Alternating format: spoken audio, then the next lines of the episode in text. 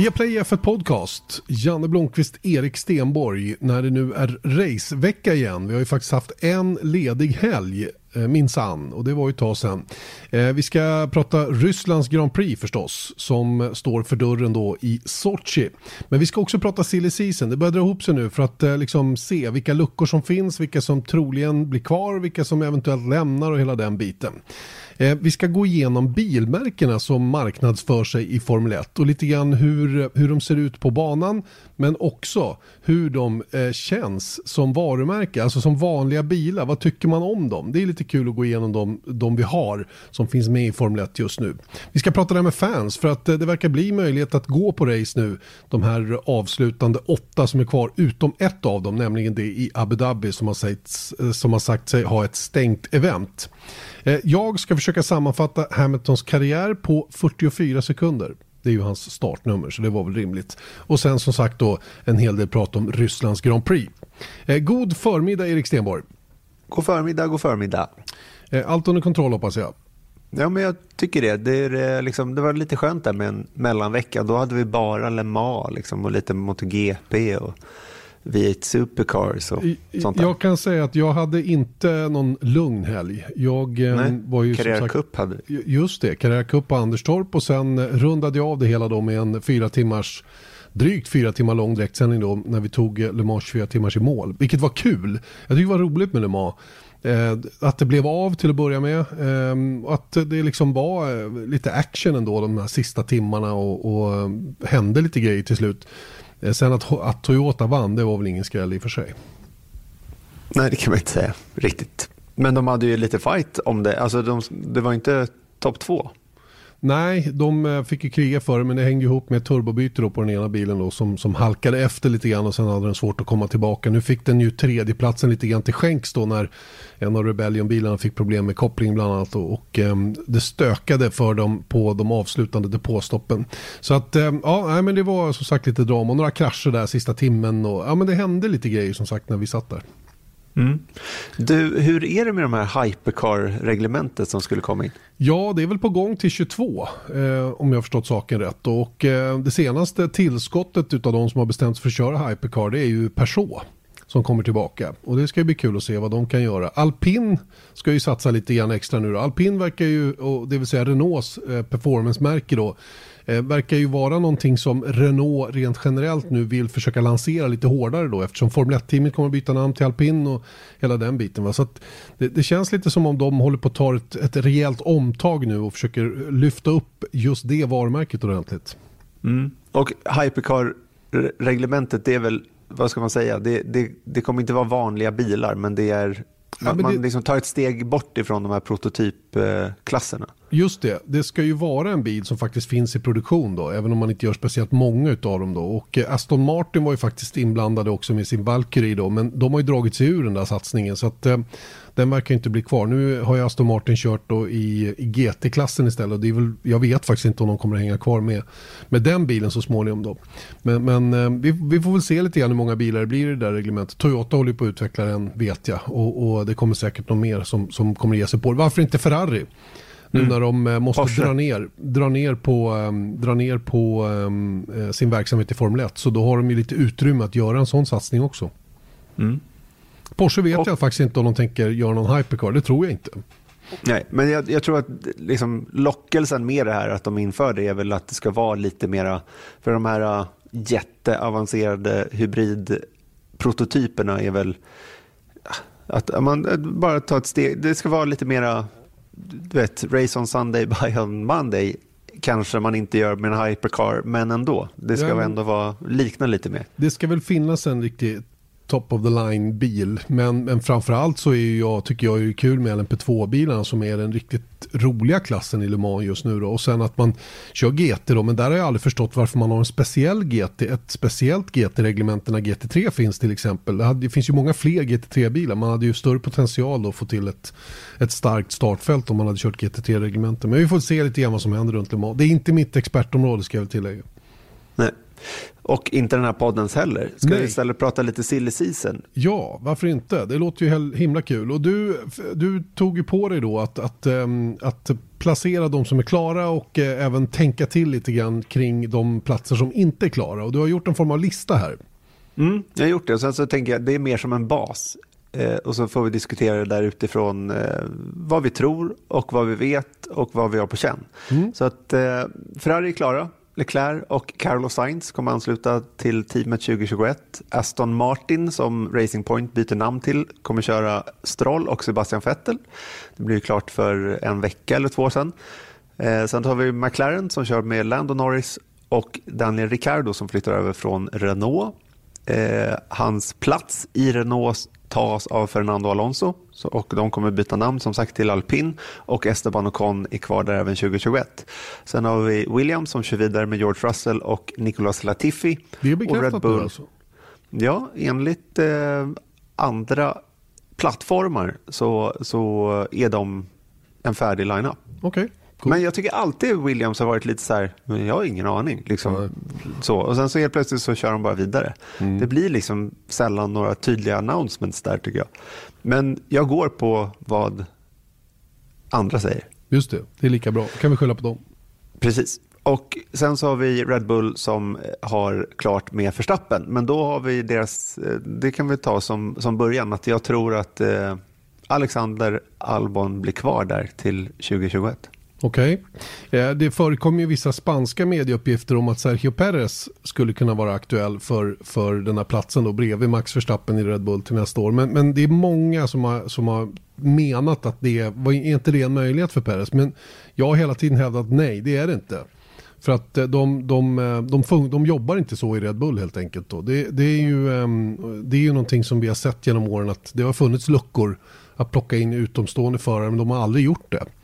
Eh, och den senaste som inte tillhörde juniorprogrammet fullt ut var ju faktiskt Max Verstappen när han kom in. Och han kom in av helt andra skäl. Så att, eh, jag, jag tror att det är ett otroligt långskott med, med Sergio Perez där. Även om det nu förekommer uppgifter i spansk media om just detta då. Mm. Mig veteligen så är den enda som har liksom tagits in från ett annat team som inte är Red Bull, det är Mark Webber. Ja, precis. Sen så David Coulthard körde där också som har kört i ett annat team och sådär, men det var ju precis i början. Det var, det var ju 2005. Var ju man var ju tvungen att ha någonting att stoppa precis. i bilen då inledningsvis där. Så det, det, det, håller jag med om. Nej, jag tror faktiskt också att Max Verstappen och Alex Albon, som det ser ut just nu då, får eh, förtroendet båda två. Eh, Verstappen som sagt klar då, men Albon får fortsätta köra vidare i teamet eh, även nästkommande säsong då. Just för att de behöver testa att få lite kontinuitet i den andra bilen. För det är ju det som har saknats känns det som för, för, ehm, för eh, de som har provat dittills. De behöver åka där länge helt enkelt för att komma in i den här knepiga, den här knepiga bilen de har. Och, och, nu är det ju ett år till med samma bil och ska de då återigen stoppa in en ny förare Eh, i bilen som ska lära sig den här bilen då så, så tror jag inte att man, man tjänar någonting på det ärligt talat. Va? Och det är samma om man pratar om att flytta upp Pierre Gasly igen så tror jag inte man gör det helt enkelt. För att eh, honom har man redan testat. Ja exakt och då, i övrigt har de ingen. De, de, de två förarna i Alfa Tauri som skulle kunna vara liksom, aktuella, båda har fått prova. Mm. Så varför inte liksom köra vidare? För Albon gör inget dåligt jobb. Sen så gör han inte lika bra jobb som Verstappen. Men de, de sätter inte in en sprillans ny rookie där direkt. Ja. Det, det är liksom pointless. Jag såg, eh, jag såg siffror från, jag tror det var Andrew Benson på BBC, hade, hade eh, tittat lite grann på, på diffen i kval, kvalfart generellt, alltså ett snitt. Och där låg Albon en halv sekund ifrån Max Verstappen i snitt och det är, det är trots allt rätt mycket. Va? Men, men kan de täppa den luckan lite grann och hjälpa Albon att täppa den luckan så, så får, börjar de med att få ett, ett, ehm, ett, paket där, där båda faktiskt eh, tar stora poäng och kan eventuellt då på sikt börja störa Mercedes lite grann där framme. Albon tog ju sin första pallplats senast och det hjälper ju till naturligtvis också då i att få förnyat förtroende. Mm. Alfa Tauri då, så har de ju i år Pierre Gasly och eh, Danny Kviat. Och jag tror att Kviat, eh, det är dags för honom att lämna Formel 1. Igen. Tror jag. Mm, det tror jag. Ja, Denna väl... gång för gott. Det är väl mycket som talar för det eh, kan jag också tycka. Och eh, du föreslår ju då japanske eh, Tsunoda då, Yuki Tsunoda, att han får, får ta steget upp. Och det, det är också en mycket, mycket sannolik utveckling då med tanke på att han går rätt så bra, eller gick i alla fall väldigt bra i F2. Nu har han haft det lite trögare där på slutet men Jag tror han behöver bli femma i mästerskapet i år för att få ihop superlicenspoäng. Och eh, han är ju redan lovad testkörning i Abu Dhabi, den här endagstesten som man har efter sista VM-deltävlingen. Så att eh, är mm, eh, i pole position där för att ta steget upp. Ja, och lo all logik säger det också, för att det är just den här problematiken att snittåldern i Alfa Tauri är högre än eh, i Red Bull. Sen så är, är kanske inte Alfa Tauri lika mycket ett juniorteam liksom uttalat att så här, det här är först går det dit, sen går det dit. Men jag tror fortfarande att den liksom, formen finns kvar. Mm. Och då tänker jag med Gasly, han har ju liksom mördat Kviat egentligen och sen så dessutom då så, så vill ju Honda såklart ha en japan. Jag tänkte just komma ju... till det. Det är, ju, det är ju eh, oerhört viktigt för dem nu att få in en japan då. Och när man nu äntligen har en, en, en hyggligt stor talang så varför inte ge honom chansen då? Och, och ehm, med tanke på att, ehm, att de ändå bidrar rätt mycket till, till Red Bulls båda teams satsning så, så känns det som en rimlig utveckling. Mm. Då går vi vidare till Alfa Romeo då. Och där tror jag att Kim Räikkönen, om han vill, så får han gärna stanna kvar. Det är upp till honom alltså? Jag tror det. Mm. Ah, alltså, det är väl aldrig upp till en enskild person, men jag tror att eh, de är inte missnöjda med honom och om han vill köra kvar så, så får han det. Det tror faktiskt jag också. Han har så pass gott anseende där och eh, han, han gör verkligen inget dåligt jobb, Kimi Räikkönen. Han kämpar ju nu med, en, med bristfälligt material, så är det ju eh, i huvudsak motorn då som, som, eh, som Alfa Romeo då tvingas köra med under året här. Och det, eh, det gäller bara att hålla, hålla gnistan igång hos Kimi Räikkönen så kommer han att bidra oerhört mycket till, till eh, ja, teamets väl och ve rent allmänt. Va? Och eh, speciellt med tanke på den du tror kommer att ta plats bredvid. Ja, men det är så, så här, om Räikkönen då inte vill stanna kvar, han känner sig mätt, han eh, orkar inte liksom tävla om en tolfte plats ett år till, för det är väl av allt att döma så kommer det se ganska likt ut nästa år i alla fall. Kanske. Eh, inte vet, ja, men av allt att döma. Håll med mig om den. Ja, jag håller med. Ja, men ja. Grejen är att Ferrari håller på och bygger en ny motor till nästa år och den, den kan ju vara avsevärt mycket bättre. Mm. Och då, då kan det ju se betydligt ljusare ut för de här teamen. Va? Det är ju mm. det är bara det och det talar för Räikkönen. Precis, det talar för att han hänger kvar. Ja, precis. Men gör han inte det så tror jag att Alfa Romeo är ju sån som kommer hoppa på Sergio Perez. Mm. Det är inte heller orimligt med tanke på att han dels är, han är unik, sa vi inte det förra veckan, han är unik i det avseendet att han är både ekonomiskt stadd i kassan i form av bra sponsorstöd men också en väldigt snabb förare. Och välrenommerad. Ja, precis. Och det, det tror jag talar till hans fördel då om det skulle vara en, en, en öppning i Alfa Romeo-teamet där. Och, och eh, vad jag har förstått så har ju kontakt de två parterna emellan tagits redan. Mm. Eh, om, om, om en eventuell körning. Va? Så eh, vi, vi får väl se lite grann vad som händer där. Men det verkar ju samtidigt som att Alfa Romeo kommer att hänga kvar i Formel 1 ihop med Sauber och att en förlängning med Ferrari är nära förestående. Vilket då betyder att den ena platsen i teamet sannolikt kommer att tillhöra då en, en FCA-signerad förare då. Eh, och eh, det, är, det är ju så, i sånt fall så är det ju så att Räikkönen Perez skulle ju inte kunna bli aktuellt utan det är antingen Räikkönen eller Perez. Mm, precis, mm. och då tror jag att det är Räikkönen i det här fallet och Mick Schumacher mm. kommer in i Alfa Romeo. Nu när han leder, liksom, det, det, det, här är det enda de behöver. För det är klart att de vill ha in Schumacher, det namnet igen i Formel 1 av marknadsföringsskäl, tror jag. Men det är klart att det är positivt om Denner Schumacher presterar på banan och leder man F2, ja men då är det ganska lätt att, eh, att liksom promota någon där. Och Giovinazzi har känts som en stopgap-lösning. liksom, vi stoppar in honom, vi har ingen annan bättre för oss när vi nu har den här platsen i Alfa Romeo. Och sen så har han fått sina två år. Mm. Och han har inte liksom rosat marknaden, så honom kan de släppa. Det tror jag nog att de gör om det skulle bli aktuellt att plocka upp Mick Schumacher. Jag tror också att det är en högst sannolik utveckling. Eh, Räikkönen, Mick Schumacher tror jag är en, en toppen, vad ska jag säga, en, en, eh, en, en väldigt bra lösning för alla parter. Eh, du får en supererfaren förare då som, som kan jobba med Mick Schumacher då som kommer in som rookie. Eh, med, med den press som det innebär då att heta Schumacher i efternamn och hela den biten också. Va? Men jag tycker Mick Schumacher gör det väldigt, väldigt bra. Han verkar harmonisk. Han eh, tar inte till några överord. Han, eh, han eh, har faktiskt på senare tid kört väldigt bra också. Jag hade ju mina tvivel runt hans raceförmåga. En svag inledning i F3 där till exempel. Sen andra halvan av F3-säsongen så sopade han banan med alla och man blev misstänksam över hur det där gick till. Eh, och sen klivit upp i F2 där första året inte blev eh, superbra. Svårt att hantera de här däcken, körde ofta slut på dem i racet och så vidare. Var inblandad lite si och så. Började lite, lite grann på det sättet i år också men, men har ju nu på slutet varit otroligt stark. Och, eh, grymma starter har gett honom bra förutsättningar och, och åker, åker hem kanske med två pallplatser en, en, en F2-helg. Det är ju väldigt, väldigt svårt att göra. Jag brukar säga att tar man hem 30 poäng eller mer under en F2-helg då har man gjort ett kanonbra jobb och det har han gjort ett flertal tillfällen. Så att, eh, eh, jag, jag ser det som en stor sannolikhet, om det inte redan är klart faktiskt, att, mm. han, att han kör för Alfa Romeo nästa år. Eh, det, är inte, det är inte något långskott det heller, det är bara det att de väntar med att, med att presentera honom så att säga. Då.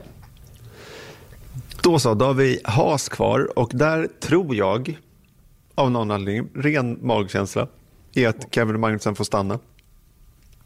Vilket betyder, ja, och sen så tror jag också att Grosjean får lämna. Mm. Det är också bara magkänsla, men det känns som så här, ja. Nu har de kört med den här line-upen så länge, det har inte hänt något vidare. De kanske behöver få in lite nytt blod. Och då tror jag att Grosjean är den som får åka framför Kevin Magnussen. Mm. Det skulle kunna vara precis tvärtom.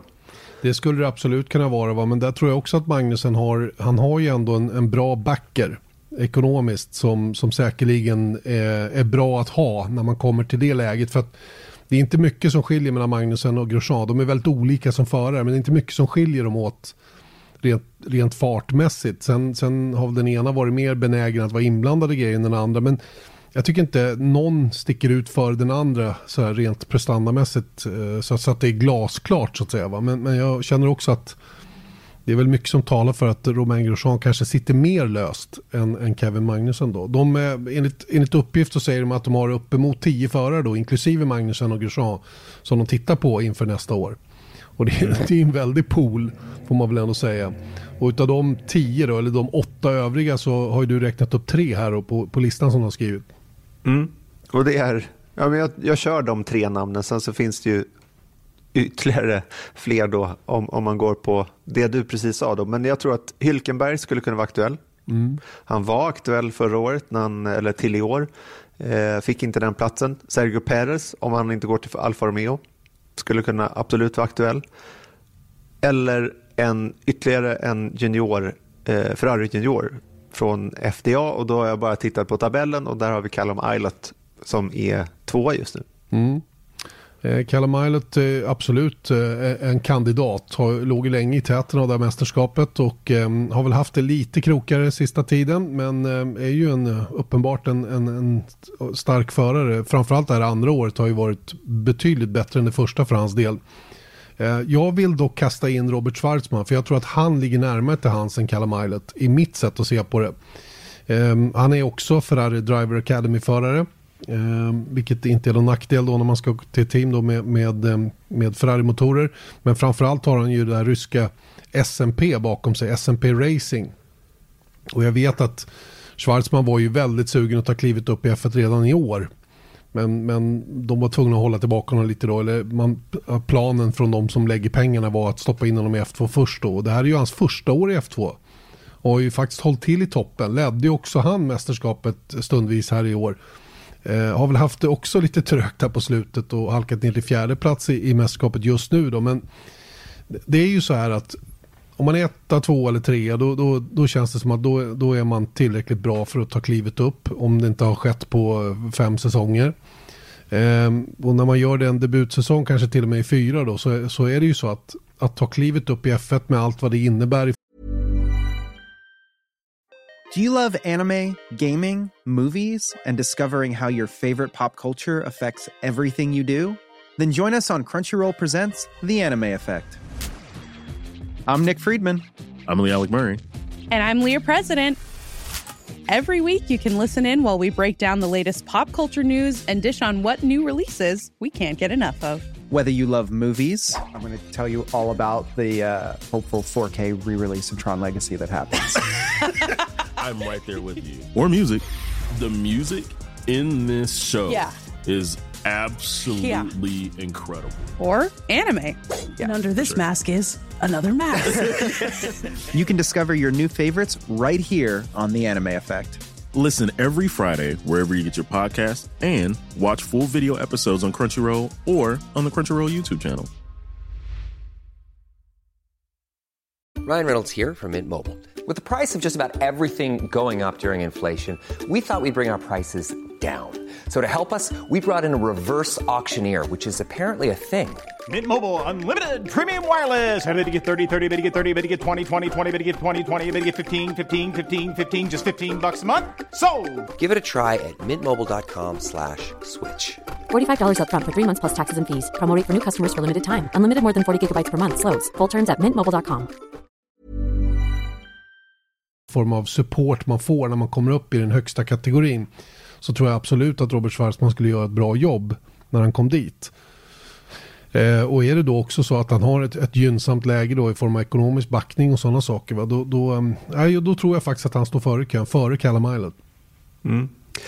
Sen då kan man ju ta in i det här då att mm, liksom, traditionellt sett så, alltså om man tittar på Alfa Romeo, då har, har ju FCA, alltså Fiat Chrysler Automotive, eh, har ju en plats i Alfa Romeo som hör ihop med deras motorleveran motorleveranser till det teamet. Då. Yep. Det har inte Haas haft oss veteligen. Då. Det är därför eh, Magnusen och Grosjean har inga kopplingar till Ferrari direkt. Då.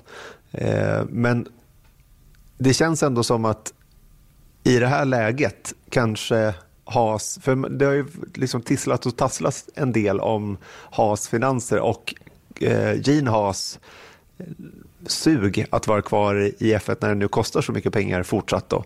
Även om det är mindre pengar med budgettak, men de, det är någonting som de inte kommer nå, nå upp till i alla fall.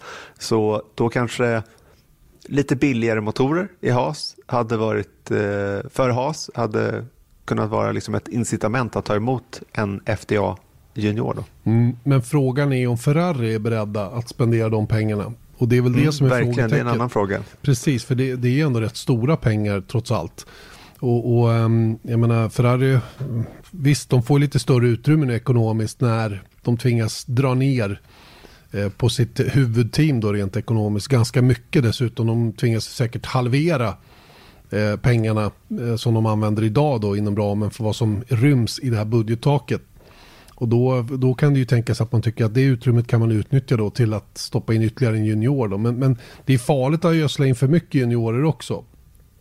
Eh, så att eh, eh jag, tror, jag tror det mest sannolika i min värld är trots allt Räikkönen och Mick Schumacher i Alfa Romeo och jag tror Magnusen Perez känns som en bra lösning för Haas. Det, det är så jag ser på det. Och, och kan då Ferrari få ordning på sina motorer eller bygga en, homologera en bättre motor till nästa år, då är det ju inte avgrundsdjupt längre, hålet som man är i. Eh, både för fabriksteamet och för kundteamen, utan då, då, då kan det helt plötsligt se ganska mycket bättre ut på, på kort tid. Korrekt. Du, Ja, då har vi hela line-upen. eh, som vi tror i alla fall. Mm. Nej, alltså, det, det, det, är väl det är så här det kommer bli. Det här är Ja, facit. Okej, okej, okej, okej, det är facit. Bra. Hörru du, då lämnar vi helt enkelt silly season för den här gången och eh, får väl anledning att återkomma till det då. ehm, när, vi, när, det, när det börjar bli lite fler pusselbitar som ramlar på plats. Eh, Ska vi prata bilmärken i Formel 1? Det förannonserades ju i, i löpet här och em, bilmärken i Formel 1 det har vi ju. eh, För det är ju så att i Formel 1 är man ju som bilmärke för att sälja bilar, är det inte så? Jo, jag tror att liksom i, det, alltså sponsring i Formel 1, ju, ju mer tid jag har lagt på Formel 1 och ju längre jag har jobbat inom den här sporten så har jag förstått hur komplext sponsring kan vara. Tidigare så tänker man den romantiska synen och det kanske var så för 15-20 år sedan att då betalade man x antal pengar och så fick man klistermärke på bilen och sen så fick man hoppas att bilen var med i tv och sen så blev det bra därifrån. Lite kundrelation kanske också, man kunde ta med någon till, till ett race eller någonting sånt där.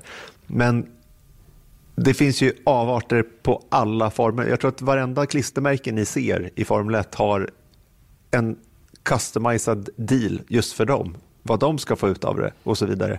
Men i den renaste formen, varför ett bilmärke är med, det är ju för att visa vad de kan på banan och förhoppningsvis då sälja gatbilar till vanligt folk. Typ, eller hur?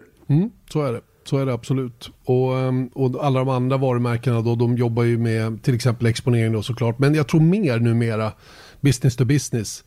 Eh, att, att träffa andra varumärken inom plattformen där man kan göra affärer med varandra och hämta hem sponsringspengen på det sättet. Det tror jag är oerhört viktigt, ett oerhört viktigt sätt att göra affären Formel 1-sponsor eh, berättigad. Eh, och, och det, det, det är mycket sånt som, som pågår som, som man inte ser. Man, ibland kan man ju undra varför, en, varför någon är med överhuvudtaget för de knappt märks på bilen överhuvudtaget. Va? Men de, det finns andra, andra värden i, i, att, eh, i att vara med och finansiera ett Formel 1-team.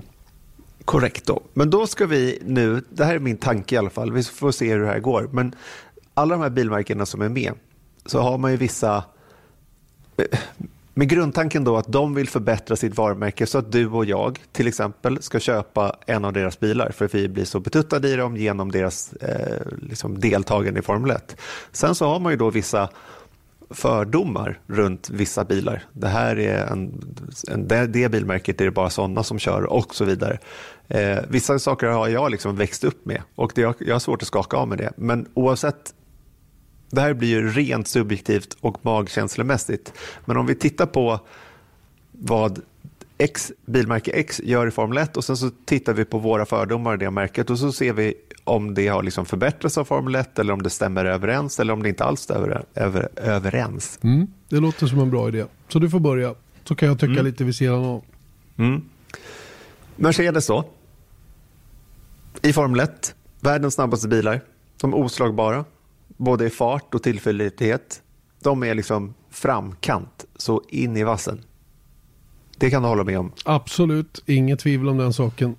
Mm. Och då vänder vi på det då och tittar på, liksom, och än en gång, det här är subjektivt, så att ni som sitter nu och kör en Mercedes kanske får ta det här med en nypa salt. Det här är bara jag. de kommer bli arga, de kommer bli jättearga på dig. Ja, jag tror det.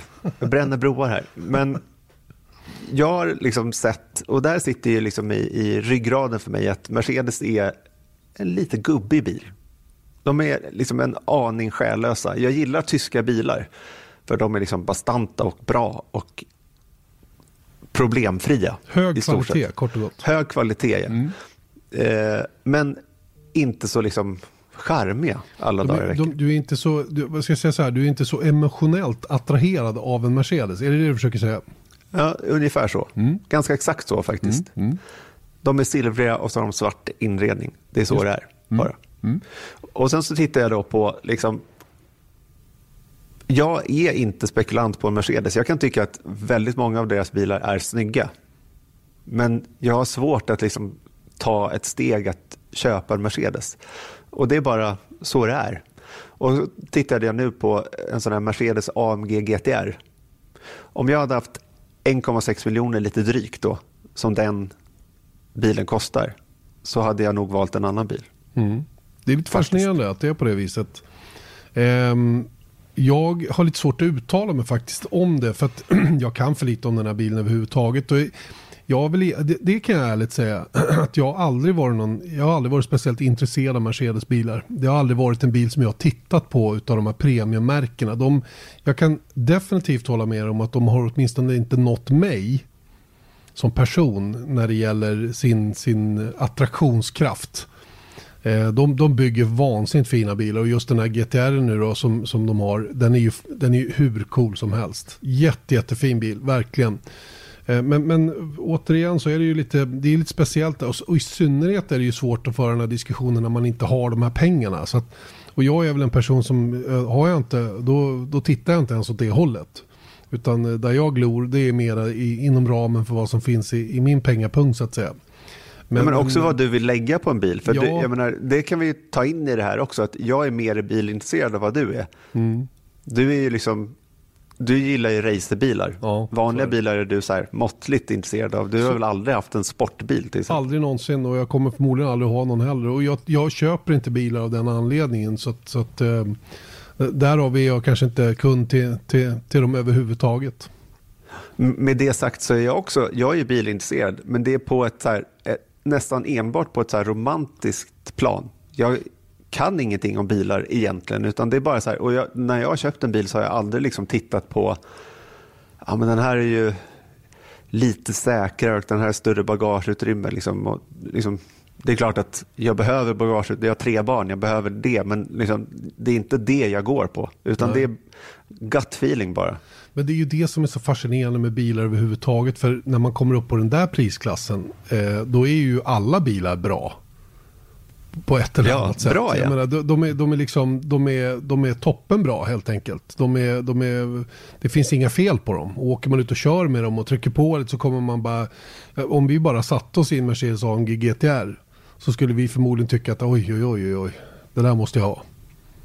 Inte Ja, ändå, nej. kanske. Nej, Men- nej, men det, det, är det där grejen också att det finns ju massa saker att ta in i ett bilköp såklart, men det är just den där grejen att, att eh, ja, men okej, i den prisnivån är alla bilar bättre än vad vi kan köra dem. Mm. Så kan man ju säga. Så det är inte problem med bilen att den här är inte tillräckligt bra för mig, utan det är bara en, så här, en romantisk känsla att så här, det här skulle jag vilja sitta och det här skulle jag vara glad i att, att eh, spendera tid i. Vad skulle du vilja att Mercedes gjorde då för att du skulle bli attraherad av det? Jag vet inte, jag tror, jag tror att så här, det, det där måste ju vara liksom 100 miljoner dollars frågan för deras sida. Om de kan liksom få mig så här, wow, oh, jag måste ha en Mercedes. Då har de ju, jag säger inte att de, då, då är de hemma, men det skulle vara en stor eh, bedrift för att jag, jag har det där i, i ryggen någonstans. Att, att, eh, jag skulle hellre ha en sån där gammal Saddam Hussein Merca än en, än en ny. Men den skulle jag känna mig mer cool i än, än en GTR. Jag vet inte vad.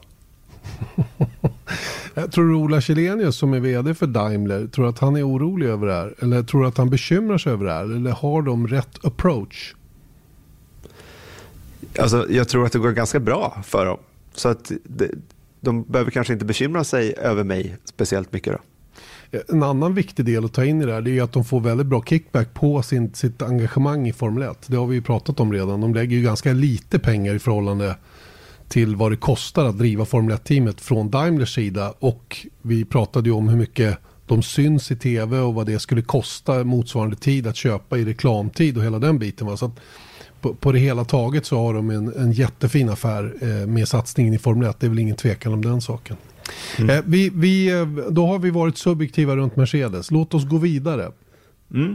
Alfa Romeo då, i Formel 1, just nu en av de långsammaste bilarna i fältet. De är inte ett riktigt fabriksteam. Alfa Romeo är med som varumärke men de sponsrar egentligen Sauber och har köpt rättigheten att heta Alfa Romeo i stort sett.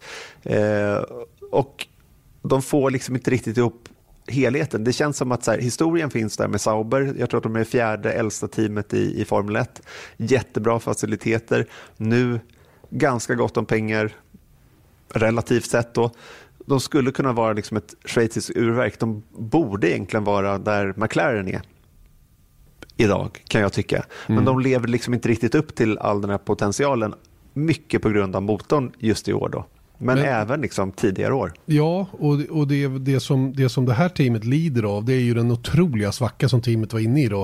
eh, 2015, 16, eh, delvis 17 och det har tagit lång tid att hämta sig från det. Och eh, sett till vilka faciliteter de har och hela den biten så är de absolut på nivå med, med ett team som McLaren.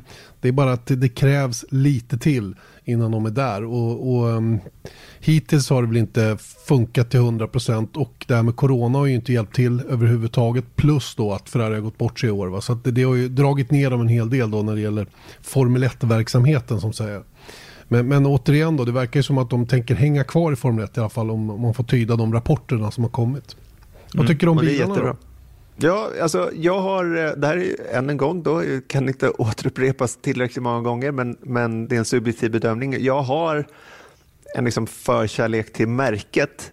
Jag tycker att det är en av bilvärldens snyggaste loggor. Det finns mycket historia bakom Alfa Romeo, det är ett gammalt bilmärke.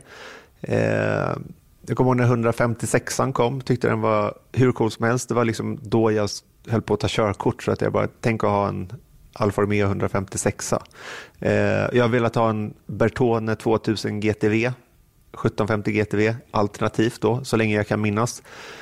Det är snygga bilar och jag tycker att de har lyft sig de senaste åren. Men sen så körde jag en ny sån här i Barcelona för typ två år sedan. Bara på, på väg. Jag tror att det är den, jag kommer inte ens ihåg vad den heter. Det är lite dåligt. Men Mm.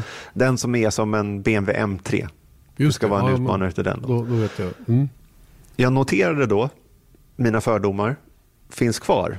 För det är korta säten. Det känns som man sitter på en parkbänk eller på en trappa typ. Så korta säten för mina lår är det. Och sen så långt fram till ratten. Så jag måste ha raka armar. Ja, Och sen, bra. så, och sen så när man kommer upp i fart där så, så susade det liksom i springorna. den var inte riktigt tät. Liksom. Så det känns lite likt där. Att den liksom, det borde finnas där, historien finns som det gör i Sauber. Men de når inte riktigt upp till sin tänkta potential någonstans. Eh, personligen har jag noll erfarenhet av Alfa Romeo. Har aldrig varit attraherad av märket överhuvudtaget. Haft lite svårt för italienska märken generellt. Aldrig känt att det har varit kvalitet som, som har attraherat liksom, och, och sådana saker. Vilket eh, jag inte har något mer än mina egna fördomar att, att bygga upp det med. Så att säga. Va? Tycker i de här, de här, den här nysatsningen de har gjort eh, så har de på utsidan byggt bilar som ser trevliga ut. Eh, De har försökt bygga bilar som är lite mer mm, muskulära och har lite mer power och lite mer prestanda. Det har väl funkat också hyggligt. Eh, har aldrig kört någon utav de här nya och inte kört någon äldre heller för den delen. Så jag måste nog passa på att tycka något om det. Eh, Jag, jag minns att jag var oerhört imponerad av Alfa Romeo när de var med och var starka i VTCC. Eh, Det, det var ju en period när de hade dels en snygg bil. Den var himla cool den bilen som de använde där. Och den var ju också oerhört framgångsrik. Eh, och, och vann mycket på den tiden. Va? Så att eh, det är väl... Ehm, och, och jag tror att eh, den här satsningen på Formel 1 som Alfa Romeo nu gjorde när de kom in som, som fullsatsande då i den här sporten så var väl det lite grann sista chansen för märket som, som låg på ruinens brant ärligt talat. Och där, där koncernen då som äger Alfa Romeo och FCA bestämde sig för att nu ska vi försöka göra något här. Och vi använder Formel 1-plattformen för att uh, få till någonting som, som funkar. Och exponeringen som de får och, och loggan som du tycker om den syns ju tydligt på Formel 1-bilen hela den biten. Så jag tror att de är på rätt väg. Men återigen så krävs det kanske lite mer tid. Och mer tid som de också verkar få. Eh, från ledningens sida då, för att inte det här ska gå i graven. Precis. Då jag tyckte Alfa Romeo var som coolast, när du nämnde VTCC så tänker jag på DTM. Runt så här 96-97. Larini, Nannini körde. Då var jag i Finland med min pappa och tittade på, då hette det ITC tror jag. Körde någon stadslopp i Helsingfors. Och det, då var jag tagen av Alfa Romeo. Mm. Right. En favoritbil på Assetto Corsa att köra. Ja. Den DTM-bilen. Okej, okej. Det ska jag prova då. Ja, För det har prova jag inte det. gjort. Det har jag inte gjort. Nej. All right. Det om detta Där- då. där- då går vi... Ja. Det är ga- ganska spretig diskussion, eller hur? Ja, men men man- det hoppas det. att... Det är ju kul där. Det, är det, är, det öppnar ju för alla andra att tycka också. Och, och jag Mm. menar, ni får jättegärna interagera med oss på vår Facebook-sida till exempel. eh, Och tycka till om märkena själva. Och, och vi har som sagt absolut inget facit där. Utan det här är ju bara vad man själv går runt och tycker och tänker om de här märkena då. Som, som exponeras i Formel 1. Och vi jämför då hur de ser ut på banan i Formel 1 och vad man tycker om själva bilmärket. Eh, Så vi går vidare då och landar i Frankrike. Renault ja. Och i F1 så är de ett av få fabriksteam. Därav så har man många med mig också alltid tyckt att de borde vara bättre än vad de är just nu. De har liksom aldrig nått fram. De är där fyra, femma, sexa. Och är liksom lite så här, i varje fall när man går runt i depån kan jag tycka, att de är ett litet så här småtrist team på något sätt. Det är inget så här som värmer hjärtat, tycker jag. Nej. Men Ricardo piggar upp. Det gör han definitivt. Jag tycker de är, de, är rätt så vänliga eh, i depån. alltså, till vänliga men liksom oförargliga. Ja, det är de väl. De, de saknar ju framgångarna. Det är ju det. Eh, sen comebacken då som fabriksteam. De har ju haft mycket framgång genom åren. Och jag fastnade ju för Renault när de var motorleverantör då till, till Benetton och till, till Williams. den där V10 som de hade på den tiden, den var ju magisk. Dels var den ju otroligt stark och den lät fantastiskt och det var, då tyckte jag att då var nästan varumärket på topp för min del. Eh, den här um, Renault Espassen, den här minibussen som de stoppade mm. in VT i som, som Alain Prost körde runt i och skjutsade folk. Den var ju cool som bara attan alltså. Det, det var sådana där grejer som, som gjorde. Och det, de har ju haft eh, lite roliga småbilar som de har byggt med V6-motorer och som har varit hög prestanda på. Eh, och hela den biten. Så att det är på något sätt ett... ett um, det...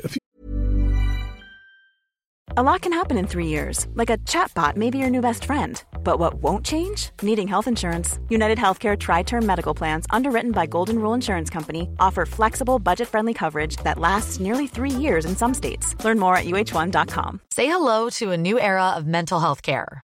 Cerebral is here to help you achieve your mental wellness goals with professional therapy and medication management support. 100% online. You'll experience the all new Cerebral Way, an innovative approach to mental wellness designed around you. You'll get a personalized treatment plan from a therapist, prescriber, or both in a safe and judgment free space. Your cerebral therapist or prescriber will outline a customized plan with clear milestones along the way so you can get to feeling your best. With Cerebral, you're not alone in your mental health journey. We're here to empower you to live a fulfilling life. So take that first step towards a brighter future and sign up today at cerebral.com slash podcast and use code ACasts to get 15% off your first month. Offer only valid on monthly plans. Other exclusions may apply. Offer ends July 31st, 2024. See site for details. Jag tror att Renault i huvudsak, om vi nu glider över på vanliga bilar, det handlar för dem att sälja många bilar. Mm. Många billiga bilar, det har man ju sett ute i Europa, Spanien, Frankrike och i Sy Sydeuropa rent generellt så öser man ut bilar. Och det är, jag har alltid fascinerats över att man bygger bilar med så lite motoreffekt. Mm. Och, och långväxlade så att de ska åtminstone gå efter en 20 minuter i hyfsad fart. Va? Men, men det, har liksom inga, det är inga roliga bilar att köra. Nej. Nej, exakt. Ingen vidare skäl kanske i de, i, i, i de här mängdbilarna i alla fall. Men när du nämner de här eh, Benetton med V10 och allting sånt där. Vet du vad vi är då någonstans? Då är vi i slutet av 90-talet fram till mitten av 2005-2006 när de vann sina VM-titlar. Och då tyckte jag att, också att Renault var ett coolt F1-märke så att säga. För de gjorde de här jag, menar, jag kommer ihåg när jag, än en gång då när jag skulle köpa min första bil när jag var, och då kommer jag ihåg att man tittade på eh, en Peugeot 206 eller en Renault Clio eh, det var inte en sån här, men Cup, alltså, det var typ deras GTI. Men då fanns det också den här Renault Clio V6 som var tvåsitsig. Den tyckte man var riktigt cool. Och då, vet de spelade den franska nationalsången med eh, V10 och allting sånt där. Så då tyckte jag att de var lite så här, de var roligare. Sen så hade de ju mer framgång också, så vilket kan ha liksom, påverkat mig som ung 18-19-åring. Mm. Kanske. Ja, de har varit roligare än vad de är nu i alla fall. Ja, det har de. Och eh, nu kommer de ju som sagt att byta skepnad då till nästa år och eh, byta namn till Alpin F1. Renault E-Tech Hybrid ska de väl heta då. Eh, Hybrid Engines eller Hybrid Technology eller vad det nu blir. Eh, och det verkar ju som att de, de eh, gör ett, eh, ett, tar ett helhetsgrepp på det märket då som vi pratade när vi, när vi snackade Le Mans tidigare. Där, så, så, så är det på något sätt en, en, en stor nysatsning under ny ledning för hela företaget också då. Det tycker jag är lite lovande för deras satsning i Formel 1 också att de, att de väljer att göra på det här viset. De är inte här bara för att delta utan de, de kämpar på. Va? Och det nu senaste såg jag att Cyril Abiteboul då, som, som blir boss för alltihopa, han, han var lite frustrerad då när Daniel Ricciardo valde att inte fortsätta med teamet då, som, som de hade tänkt bygga hela den här satsningen på. Eh, när han då hoppar av mitt i så att säga då, så blev han, han tyckte det var jobbigt för att det var liksom, de hade ett bra upplägg där. Och de har ju gjort framsteg under året och hoppas ju göra ännu mer framsteg, gissningsvis då Eh, från 22 framåt då i det nya reglementet då där Fernando Alonso kommer bli väldigt instrumentell i, till, i den här satsningen då. Och där, därav att man valde Alonso tror jag som, som har en stark koppling till Renault tidigare, deras senaste världsmästare och hela den grejen. Va? Jag, tror att, eh, jag tror att Renault faktiskt kan bli någonting på sikt. Jag tror det. Jag, jag känner det. Jag, nu litar jag till min magkänsla. Mm. Nej, men det, jag, jag håller med dig. Och jag såg någonting som, var det Ross Braun som uttalade sig att eh, alla team är potentiella vinnare 2022? Mm. Ja, på pappret är de ju det. Sen om det blir så i praktiken, det får vi väl se. Mm. Vidare Nu på då. Honda. Ja, vi landar i Japan då, som, eh, som eh, är ett speciellt land eh, och har hoppat in och ut i Formel 1 och, och de gör sällan någonting halvhjärtat, det kan man konstatera. Mm. Men de gör saker lite knasigt och annorlunda i Formel 1, i varje fall den senaste gången. Eh, men även liksom historiskt om man tittar på när de hade sitt fabriksteam där med Earth-caren och, och liksom lite, ja, de gör lite så här, ibland lite småknasiga grejer, eh, tycker jag i alla fall. Och de gick på ett helt nytt koncept, eh, motorkoncept. Och de är ju motorleverantörer till Red Bull och Alfa Tauri då.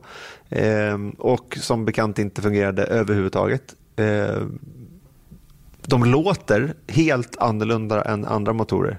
Jag skulle inte höra skillnaden på en Renault, Ferrari eller Mercedes om jag fick ett blindtest. Men man hör en Honda. Mm, det gör man. Jag tror att man skulle kunna få, man skulle kunna höra Renault. Den har liksom som ett väsande ljud när eh, elektron, eller elmotorn går på. När ERS-systemet funkar, den, den är väldigt karaktäristisk. Va? Men Honda låter ju hackig och, och har en, verkar ha en annan teknik. Eh, det, med, tändning och allt vad det nu är som gör då, eller insprutning av bensin och allt vad det är som gör att motorer låter som de gör. Och ehm, det här med det, det motorkonceptet som de valde då när de kom tillbaka 2015 ihop med McLaren, det var ju, hängde ju ihop lite grann med, eh, med kravspecen från McLaren. Där de ville ha sin size zero-bil då, den väldigt, väldigt tight designade bilen och det tvingade ju Honda då att bygga en motor som, som s- som inte levde upp till förväntningarna helt enkelt. Den blev för klen, den, den pallade inte påfrestningarna och de, de jobbade i motvind under lång, lång tid och har ju fått saker och ting att fungera mycket, mycket bättre nu när de har fått större frihet att faktiskt bygga motorn i sig på ett mer optimalt sätt. Och det, det har ju också gett dem vinster faktiskt. De ger inte upp, som du sa. De har hittat fart, men lite frågetecken runt den där tillförlitligheten fortfarande, kan man väl konstatera. Va, Hur ser vi på de vanliga bilarna då? Va, vad säger du om du tänker Honda, vanlig Honda så här? Va, vad är... Jag, eh, jag vet inte riktigt vad jag ska tänka där. Jag har aldrig glott på en Honda överhuvudtaget. Nej, och det är lite min samma känsla som jag har också. De, de är lite knasiga där också. Om man tittar på en så här uh, Honda Civic Type R. Den ser ju helt, det ser ut som ett rymdskepp mer. Men trots det, att den har alla de här, liksom, det ser ut som en Fast and Furious-bil. Men de känns inte heller, magkänslan säger att de inte är framkant heller. Det är liksom på något sätt, det är så här, ett bilmärke ska vara bäst på någonting. Och det är många som är, men det känns inte som att Honda är liksom bäst på något. Nej, de har inte nått mig i vilket fall. Jag tror inte jag skulle kunna räkna upp fem modeller av Honda ens en gång. Eh, Civic, Honda Civic, Accord. C- CRV är väl någon va? Den så? Jag trodde det Någon- nästan var en så här motor. Alltså, Ja, nej, det är kanske är. Det, det är möjligt Ja, att det. du- Ja, ni hör du ser, du ser. Man har ingen aning. Det är det som är grejen med Honda. Där behöver de faktiskt göra något tycker jag.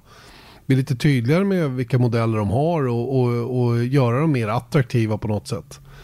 Jag tänker även på, på Toyota i rally. De kör ju Aurisen, eh, är det väl va? Eller Yaris heter den. Yaris. Och, och jag menar, tittar du på Yaris på vägen. Den, den, jag skulle aldrig ens, jag skulle inte ens överväga den överhuvudtaget. Va? Och sen är de så supersnabba i, i rallysammanhang och den bilen ser också väldigt speciell ut på många sätt. Men, men eh, jag vet inte. Jag vet inte hur de tänker riktigt på marknadsavdelningen där i, i Japan. Nej. Vad är det vi kommer fram till här egentligen? Det känns nästan som att det, det, är det har ingen effekt. Nej, nej. Bilmärkes till, Formel 1. Nej, och ändå är de ju väldigt frekventa i racing. De är ju motorleverantörer i Indycar och de kör ju eh, full on i japanska superformula. Det är väl så att Honda i huvudsak bygger bilar för sin egen marknad. Jag tror det. De är ju väldigt många japaner så att de kanske klarar sig gott på det. Och sen är ju naturligtvis då eh, Acura då, deras amerikanska variant av märke, också en stor marknad eh, i Nordamerika. Och där är det ju mycket SUVar och, och mm, truckar och, och mm, större hybrider och, och sådana saker som de säljer. Vi går Men, vidare. eh, Ja, vi gör det. Vi, gör det. vi konstaterar att Honda är ganska anonyma när det gäller vanliga bilar. Det kan vi I vara varje fall för oss. Ja. Aston Martin då, de, det är lite svårt där. Så det här är ju en ren sponsringsdeal. Eh, idag, det vi har sett av Aston Martin hittills i Formel 1. Eh, det är helt enkelt, det heter Aston Martin Red Bull Racing, men de har ingen liksom, riktig koppling till, eh, till Red Bull, förutom då att Adrian Newey har varit med och liksom, jobbat lite på Valkyrin och så vidare. Så det finns väl kopplingar, men det är inte ett fabriksteam i ordets rätta bemärkelse. Då. Eh, de ska ju in där 2021 så vi kan återkomma till frågan då när det liksom, man får en tydligare känsla. Men jag tycker att Aston Martin känns mer Le Mans än Formel 1. Mm. Har ju varit duktiga i, i Le Mans också bakåt i tiden, Grupp C. Eh, och eh, vann ju också Le Mans i år eh, i GT, eh, både GT Pro och GTM-klassen faktiskt. Eh, och, och, den bilen tycker jag däremot är himla cool och kopplingen till James Bond. James Bond-filmerna mm. har ju varit en succé får man väl ändå säga. Det gör ju att man verkligen känner till det här märket. Eh, och de här olika modellerna som finns då, även om, även om de kanske börjar för min del i alla fall och, och blurra till det lite. Jag vet inte exakt vad de heter de olika. Men jag, vet, jag, jag kan ju se en Aston Martin och se att det är en Aston Martin väldigt tydligt. Mm. Eh, snygga bilar, helt klart. Mm. Ja, megasnygga bilar. Jag tycker, liksom, sett till formen så kan jag tycka att en Aston Martin är helt otrolig. Generellt alltså. Mm, mm. Och även racebilarna i Le Mans tycker jag är liksom en av, några av de vackraste. Då. Men brittiska bilar har elfel, det vet ju alla. Eller hur? jag, jag har aldrig haft någon engelsk bil. Så att jag, Nej, inte jag heller, för de har ju elfel. Man kan inte ha dem. Ja, ja. Du, du de pratar, rostar också. Du pratar inte av egen erfarenhet på andra ord. Nej, det är så här jag är uppfostrad bara. Okej. Okay. Ja, de får väl motbevisa oss, jag vet inte. Eh, elfel mm. eller inte. Men eh, ja, dyra är de ja, har du lagt till. Mm. Mm, de är dyra. Det, där är min ryggradskänsla. Så det är liksom inte för mig heller. Sen så skulle jag gärna ha en liksom, DB5. Hade varit coolt. Men, men, vad, kör här... för, men vad kör du för bil nu, Erik? Ja, just det. En Jaguar. Som, som faktiskt har lite, ja, men den har lite konstiga elfel ibland faktiskt. Den är eldriven om inte annat. Ja exakt, men ja, när det tar slut så tar det slut. Men, men jag tänker också på, du vet när man kopplar in iPhonen. Så, så vill den inte ibland, den bara kopplar ifrån ibland. Och det tycker jag är ett elfel. Och sen kan jag tänka också på Lotus, nu drar vi alla brittiska bilar över samma kam när, man är på, när man är på Nybering så står det alltid några Eliser eller Exiger. De, de står ofta liksom upphissade. De har lite problem. Okay. Elfel säkert. Sällan på banan. Mm. Elfel. Elfel. Okej, okay, vi konstaterar att det är elfel på brittiska bilar. vi kommer säkert att få mothugg på det. Garanterat. Eh, då har vi bara ett märke kvar och ni förstår ju vilket det är eftersom ni har saknat det så här långt. Och det är självklart Ferrari. Mm. I Formel 1 så borde de vara bäst i världen. De har mest pengar, mest fans, mest av allt i stort sett, men får inte riktigt ihop helheten. Vilket på något sätt, för mig, som gillar, liksom, gillar sånt här på något konstigt sätt, är att det bidrar lite till själ till det där teamet. De har liksom alltid varit annorlunda. Det, jag tänkte på det när vi körde i Toscana där på Mugello. Så, så gjorde vi liksom en kavalkad med förare som uttalar sig om märket och då är det liksom att nej men, det bara är annorlunda på något vis. Det är liksom dels myten om det och historien och allting sånt där men jag tror att det även kan appliceras på hur det drivs och hur det är där. Med den här enorma, det, det, jag tror det var Berger som sa det, att, eller Jody Schechter kanske det var, som säger att när man kör för Ferrari så kör man inte för ett märke eller ett stall utan man kör för ett land. Mm. Och det finns inget annat team som har det. Och därför är de annorlunda. Ja, det är väl bara att hålla med på något sätt. Och hela Maranello där och, och hur staden fungerar, hur man ringer i klockorna när de vinner och, och ja, själen. Jag tror att det är det du landar på ändå. Själen i Ferrari mm. är ju väldigt speciell. Det är därför alla drömmer om att någon gång få köra för dem. Trots att framgångarna oftast uteblir.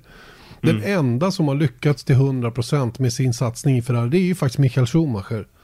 Mm. Som, som, när han kom dit fick absolut bäst och rätt förutsättningar i att, att leverera resultat. Vilket han då belönade dem med att göra.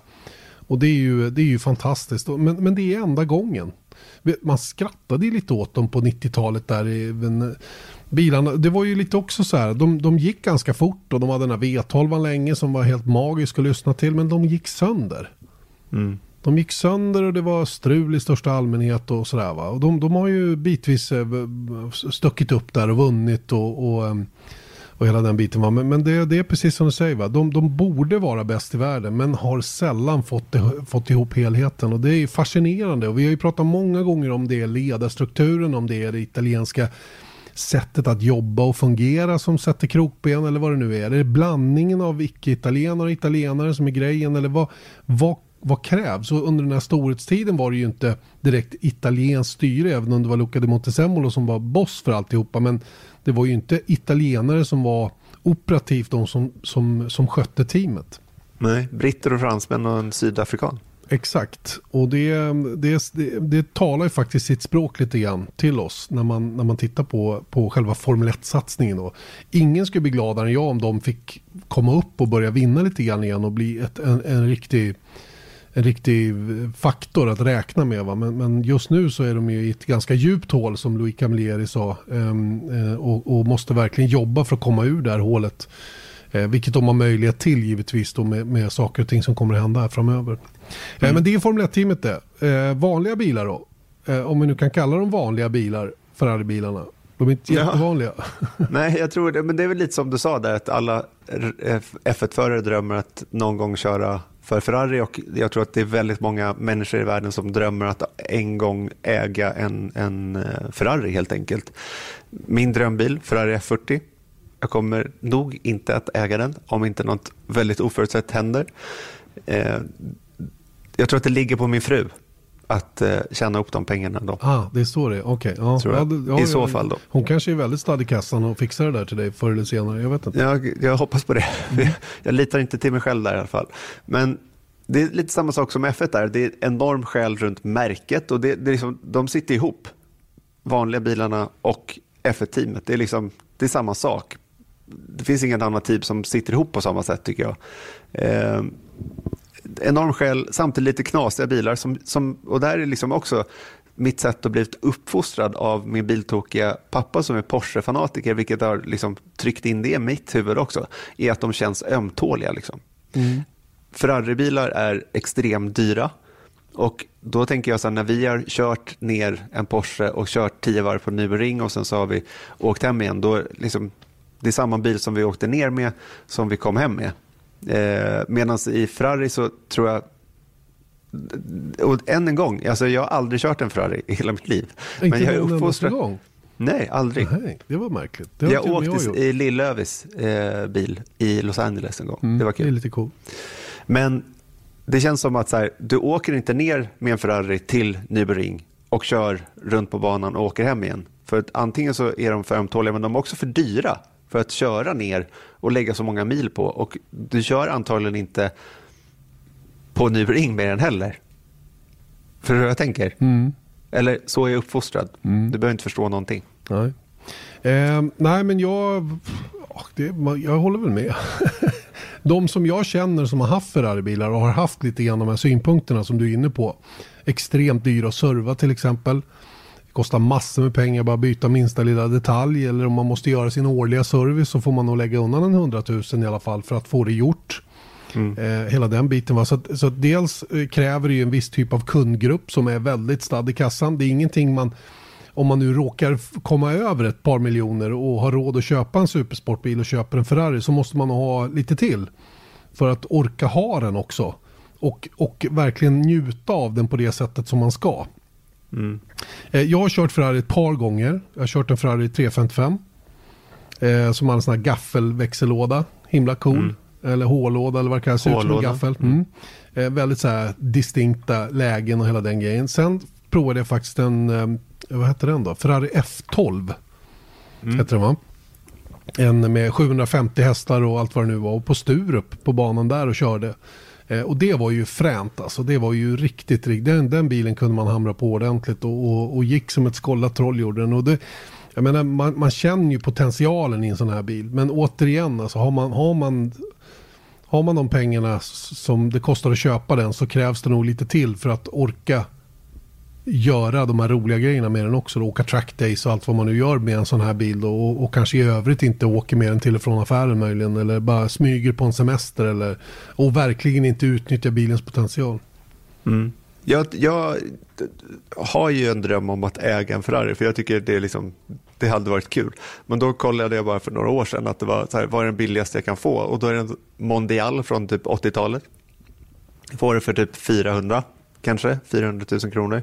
Men sen så kollade jag på att så här, något som är jobbigt där är att eh, kamremmen, den måste man byta ganska ofta då och då kostade den 85 000 kronor att byta och sen serva den kostar väl också typ så här, inte vet jag, men 30-40 000 och då är det, då är det över. Liksom, mm. Man kan inte, då finns ingen värde kvar i, i bilen nästan. Nej, och det är så omöjligt att äga och det, det är liksom, där är min bara ryggradskänsla att, att ja, jag skulle vilja ha en men jag kan inte, det går nej, inte. Nej coolaste Ferrarin som man har sett användas. Eh, och det var ju smart av dem. Eh, det var ju i, i eh, Magnum.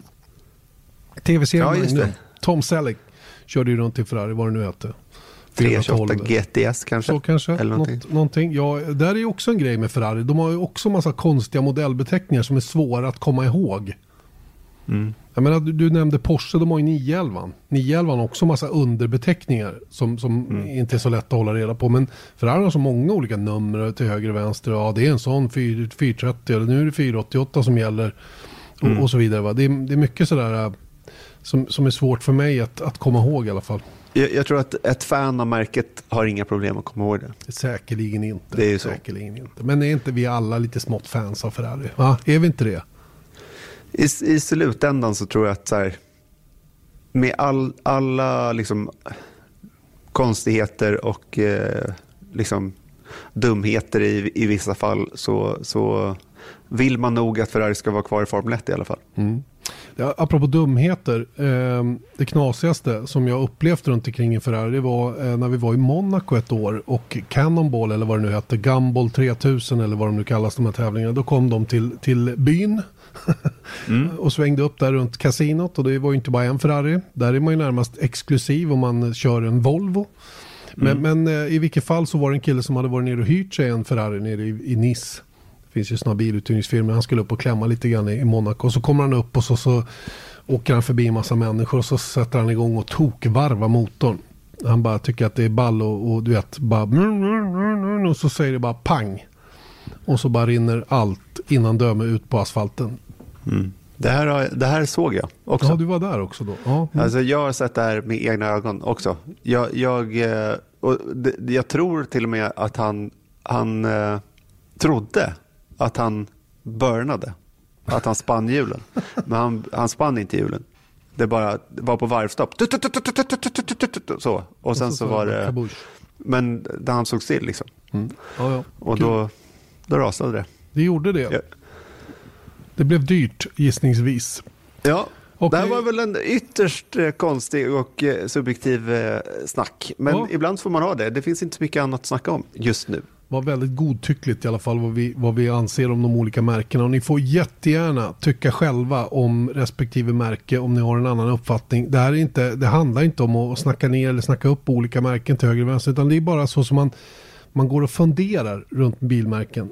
Och det är det. Så det är inget, och det är vi tar ju i lite grann också. Ja, lite överdrivet. Ingen illvilja från vår sida. Alright, det om alla märkena då. Då ska vi prata fans i Formel 1. För att eh, nu börjar det dra ihop sig på att eh, kunna fylla läktarna. Mm. Och eh, det som är, är närmast förestående då är Rysslands Grand Prix och de, ehm, de säger sig kunna köra med 50% kapacitet. Och eh, de tar inte in inte så mycket. Inte kunna, utan de ska. De ska, okej. Okay. Ja. Eh, de, de, det är inte jättemycket läktarplatser där. Och det finns inte oerhört mycket sådana här general admission-platser att vara på i Sochi om man vill se. Utan det gäller att man måste köpa en biljett kort och gott. Och det är ungefär 30 000 biljetter då. Som mm. är sålda. Och det är alltså 50% av banans kapacitet. Och eh, mm. ja, det är, väl, det är väl roligt för den som kan komma och se Formel 1 live igen. Och det, det är ju uppskattat ändå att ha folk på läktarna. Mm. Mugello hade ju faktiskt det. De var drygt, ja, knappt 3000 per dag sägs det då. Mm, men det är ju mer symboliskt, det är ju knappt så det märks. Men det var några stycken där i vilket fall som helst. Nu börjar det ändå bli lite, lite antal om man ser till 30 000 i Ryssland då. Eh, Nürburgring säger sig vilja sälja 20 000 biljetter, eller ha 20, 20 000 biljetter. Eh, Det Mm. vill säga eh, 20 000 fans då som ska kunna komma dit och se racet på, på Nürburgring i början på oktober. Mm. Men, men det, det säger ju en del om det här att, att eh, jag tror att om man ska gå på Formel 1 så ska man nog bo i närområdet. Jag tror inte man ska liksom satsa på att så här, men nu åker vi ner till Tyskland. Det kan man göra om man vill. Men, men eh, jag tror att också att man ska ha med sig att det är ett rörligt mål fortfarande. För att om man tittar på till exempel Bundesliga, tyska fotbollsligan, de har 20% kapacitet på läktarna. Är det sagt då att de får sälja biljetter till 20 då?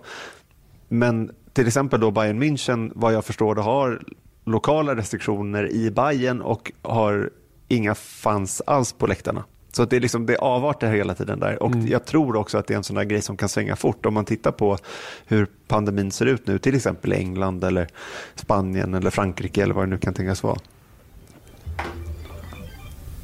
Vi- Visst är det så. Och ehm, det är också intressant med, med Portimao eh, i Portugal. Så har man ju också fått eh, tillåtelse att ha ungefär 50% av den kapacitet. Vilket betyder ungefär 45 000 människor. Eh, man räknar med att ha ungefär 60 000 då över tre dagar. Och eh, där vet jag att det är reseföretag i Sverige som, som börjar att- sälja biljetter. Eh, för den som känner sig sugen att åka dit. Och jag vet att det är lite folk från Sverige som redan har köpt biljetter och som sannolikt då får möjlighet att åka och se Formel 1 live det här konstiga året. Mm. Det är annorlunda att komma före Janne Blomqvist. Ja, verkligen. Det svider i själen. Helt klart. Eh, även Imola kommer att ha lite folk. Eh, det som kommer att heta eh, Emilio Romana Grand Prix. Eh, och eh, vad blev det där? 13 000 per dag, va? var det så? Yes, det är det de har tillåtelse till att, att sälja då. Så de, strax över 13 000 personer per dag då. Och det är som bekant endast ett två dagars event då. De kör bara lördag och söndag. Turkiet får man ju säga sticker ut lite grann i det här avseendet.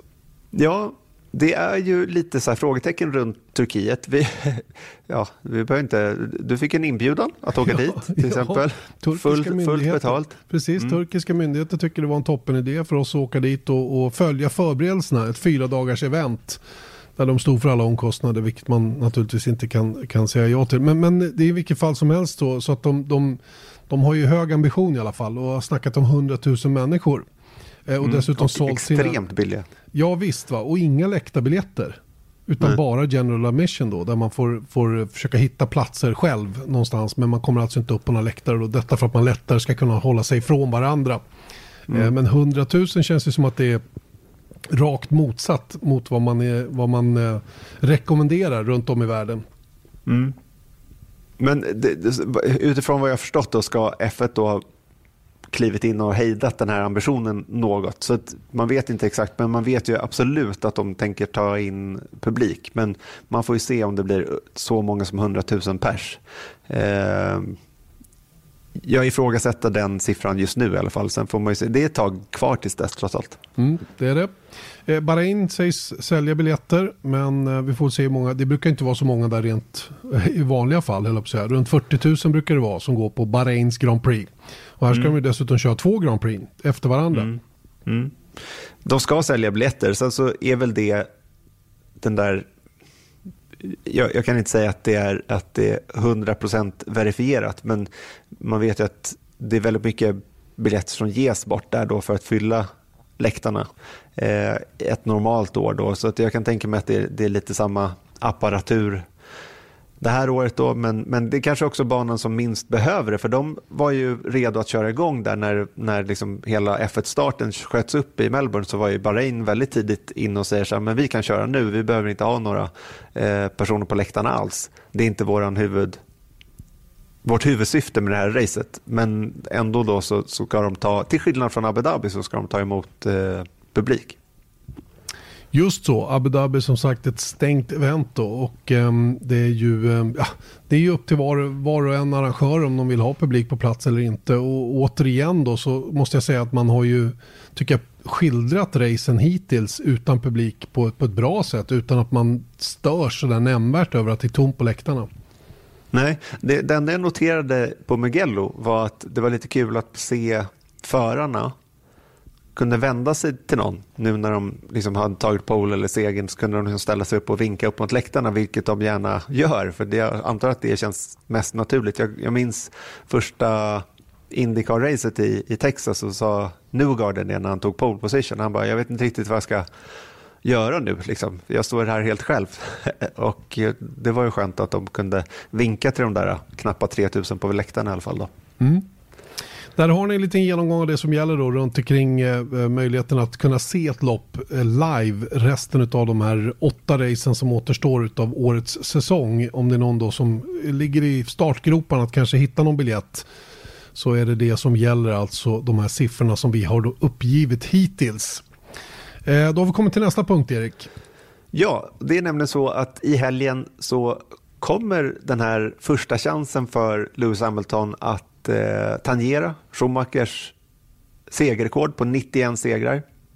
Hamilton har som bekant 90 segrar nu och så i Ryssland kan, kan det ske.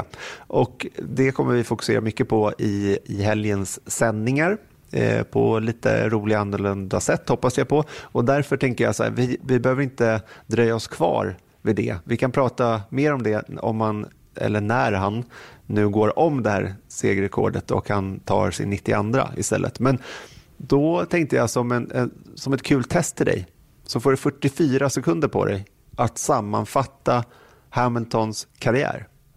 Ja, och du håller upp din telefon nu. Mm. Då säger vi Klara, är du redo? Jag är redo. Jag är redo.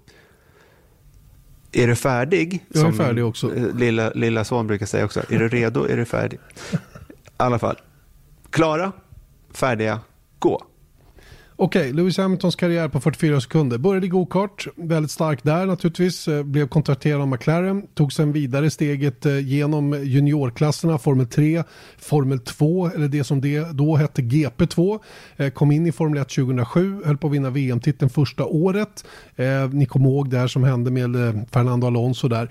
2008 så kom ju första VM-titeln då efter en grym batalj med Felipe Massa. Och sen den stora grejen då när han flyttade till Mercedes 2012.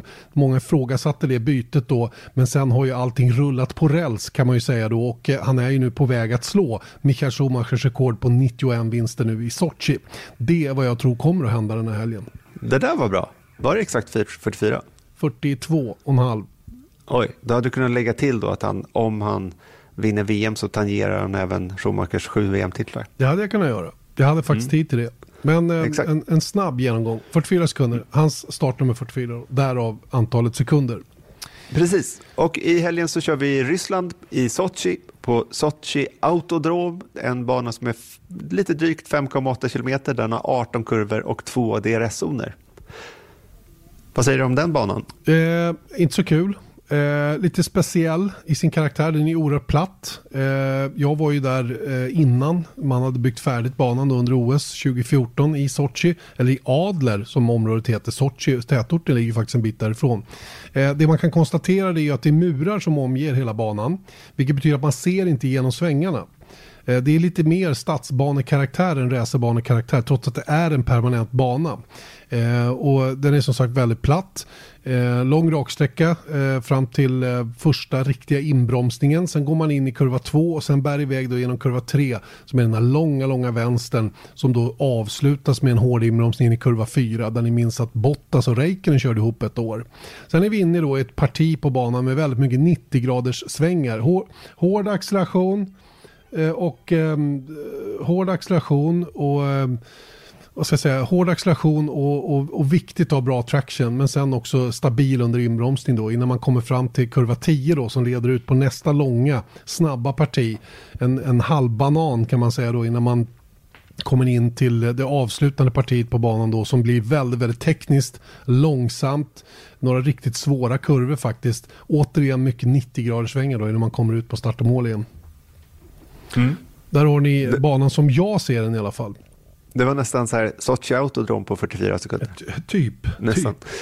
Men du nämnde där att den är platt, eh, den är platt som en pannkaka. Den är alltså höjdskillnaden från högsta till lägsta punkten är 1,9 meter. Får jag, får jag dra, nu när jag sa pannkaka, så helt plötsligt så flög en en, en grej genom huvudet som jag drar nu. Det är att Kansas, staten Kansas i USA kallas the pancake state för att den är så platt. Och då var det några forskare som tog liksom, typografin på en pannkaka för att jämföra med typografin på, heter det typografi? När det är sådär ja, topografi. höjd. Topografi. Typografi, det är väl typ, bokstäver. Exakt, det var det jag kände. Ja. Att jag var lite fel ute. Men topografin tog de. Och de kunde konstatera att Kansas är plattare än en pannkaka. Jaså? Men, och det här är som är det sjuka, vet du vilken som är den plattaste staten i USA? Det är inte Kansas, Nej. utan Florida. Jaha, där ser man. Okej. Varsågod, fortsätt. Tack, ta- tack så mycket. Ehm, vi kan konstatera att Mercedes, det är en Mercedes-bana, kort och gott. De har vunnit samtliga race här sedan 2014. Fyra stycken eh, Lewis Hamilton, en var av Rosberg Bottas. Och det, och det säger väl att det är mycket lite som talar för att någon ska kunna rubba dem den här helgen också. Då. Även om det var nära förra året där eh, Ferrari hade pole position genom Charles Leclerc. Men där eh, det var eh, de hjälptes ju åt, minns ni det? Leclerc och Vettel om att slipstreama, sig, slipstreama upp Vettel i ledningen som Vettel sen skulle släppa, släppa tillbaka då till Leclerc men som han inte gjorde. Och, och det slutade med att, att eh, Vettel tvingades bryta och att Leclerc då tappade tid och, och hamnade bakom Lewis Hamilton efter depåstoppet. Och, ah, det blev inget bra, var inget bra upplägg där från, från Vettel och Ferrari kan man säga. Då. Men Vettel som, som gick emot de uppgjorda planerna. De hade säkert Mm. kunnat haft större möjlighet att vinna dubbelt om de hade gjort som de bestämde från början. Och Bottas har ju vunnit här. Har han så han gjort? är ganska stark. Så att jag tror ändå att så här, det är ingen walk in the park just för Hamilton just den här helgen. Sen så tror jag att det är Mercedes som kommer att handla om. Det känns som det i alla fall. Och frågan är hur de då tänker. Eh, om de tänker eh, så att säga. Det kan ju vara så att de tycker det är rätt kul att vinna den här 91 segern också för Lewis Hamilton. Att man, att man jobbar för det på ett annat sätt här och gör upp om det innan. Det är, det är fullt möjligt. Det är inte omöjligt i Formel 1 i vilket fall att man, att man har sådana hänsyn då. Snarare än att låta förarna racea varandra fullt ut. Och dessutom så är det den 150 starten för eh, Hamilton i Mercedes Mm. den här helgen. Just det, och 250 då för Vettel i Formel 1 och den 322 för Kimi Räikkönen som därmed tangerar Rubens Barrichellos rekord. Och det är ju eh, sannoliken en, en, en stor prestation att komma så långt att man har gjort 322 Formel 1-race, verkligen. Så att eh, fullföljer han, ja, kör han ett race till så är han alltså den mest erfarna föraren i F1-historien, vilket är ganska speciellt när man tänker på Kimi Räikkönen som alltid liksom har varit lite så här loj mot Formel 1. Att säga, ja men det är kul att köra Formel 1, men det är ingenting som jag behöver. Och ändå så är, blir han den mest liksom, rutinerade av alla. Det säger någonting. Och dessutom så har han hoppat över två säsonger. Mm. Så det hade kunnat vara ja, Betydligt fler, 35 ja. till. Just så, just så. Eh, om Perez inte vinner i helgen så är han tvåa på listan över förare med flest race utan seger, nämligen 104, eh, 184 stycken, ett mer än Nick Heidfeld då, men Andrea de Cesaris är i topp där med 208. Så det krävs då att han får köra åtminstone nästa säsong också för att slå det där rekordet. Men jag vet inte om han vill. Jag vet inte om det är ett rekord man vill slå, nej. Man vill nog gärna bryta det där tidigare än så. Eh, och det vore på något sätt lite ironiskt om han lyckades vinna ett race i år. Det är inte omöjligt trots allt. Eh, de har en bra bil. Eh, skulle det krångla för Mercedes i någon av del- deltävlingarna som är kvar, vilket inte är någon katastrof för deras del rent eh, poängmässigt, så skulle ju faktiskt Sergio Perez kunna vara en kandidat för att vinna. Och tänk om han gjorde det nu. Det här året som har varit så konstigt för honom. Han åkte dit på covid, fick avstå två race, eh, fick för en gångs skull riktigt, riktigt bra material och har dessutom fått sparken. Det är mycket, mycket märklig historia för, för Sergio Perez och det skulle inte förvåna mig om han går och vinner ett race bara därför att. Det vore en så här Askungesaga, speciellt då att det inte alls är säkert att han kör nästa år heller. Nej, nej, nej, det är ju ingenting som är klart än och vi vet ju som sagt att McLaren flörtar lite med honom också då angående deras satsning i Indycar. Där de då eh, skulle kunna tänka sig att ställa upp med en tredje bil då. Som, som eh, Perez skulle kunna köra, vilket jag tycker vore en bra idé för Perez. Eh, han har gjort så pass mycket racing i Formel 1 och han kommer inte att komma så mycket längre än där han är idag. tror jag. Rent resultatmässigt och prestationsmässigt. Och även om han skulle hitta någonstans att köra och det nya reglementet 22 skulle kunna erbjuda vissa möjligheter så är det ju ändå, det känns som att han har nått vägs ände lite grann och varför inte ge sig på en ny satsning. Men lite grann av det hänger ihop med vad hans sponsorer vill. Är Telmex eh, fortfarande intresserade eller de, de slantarna som kommer in bakom, bakom Perez, vill de synas i Formel 1, ja då blir han kvar i Formel 1. Annars blir det någonting annat. Mm. Så kan man nog se det. Just så. All right. du, jag tror podden är slut. Ja, känns det blev som långt. Den blev lång. Har vi något att e- erbjuda i form av uh, underhållande i våra sändningar under helgen? Något som du Ja, som planeringschef? Formel 1 till exempel. Ja, Formel 1 i allra, allra högsta grad. Mm. Nej, men det kan- kommer vara stort fokus på, på Hamilton då, såklart. På, på ett eh, förhoppningsvis underhållande och lite annorlunda sätt. Vi hoppas det. Och vi kan ju vi kan glädjande konstatera att intresset för Formel 1 har varit stort i år. Eh, sett till eh, alla som kollar på oss och så vidare. Det tycker jag är kul att, se att det är på det viset. Kan ju hänga ihop med att det har varit lite torka. Eh, torka sportmässigt då med allt som har varit inställt och så vidare. Men, men eh, intresset är på topp. Mm, det är det faktiskt. Och eh, vi ses igen nästa vecka. Det gör vi. Vi hörs i alla fall. Det gör vi. Ha det gott. He hej då. Hej.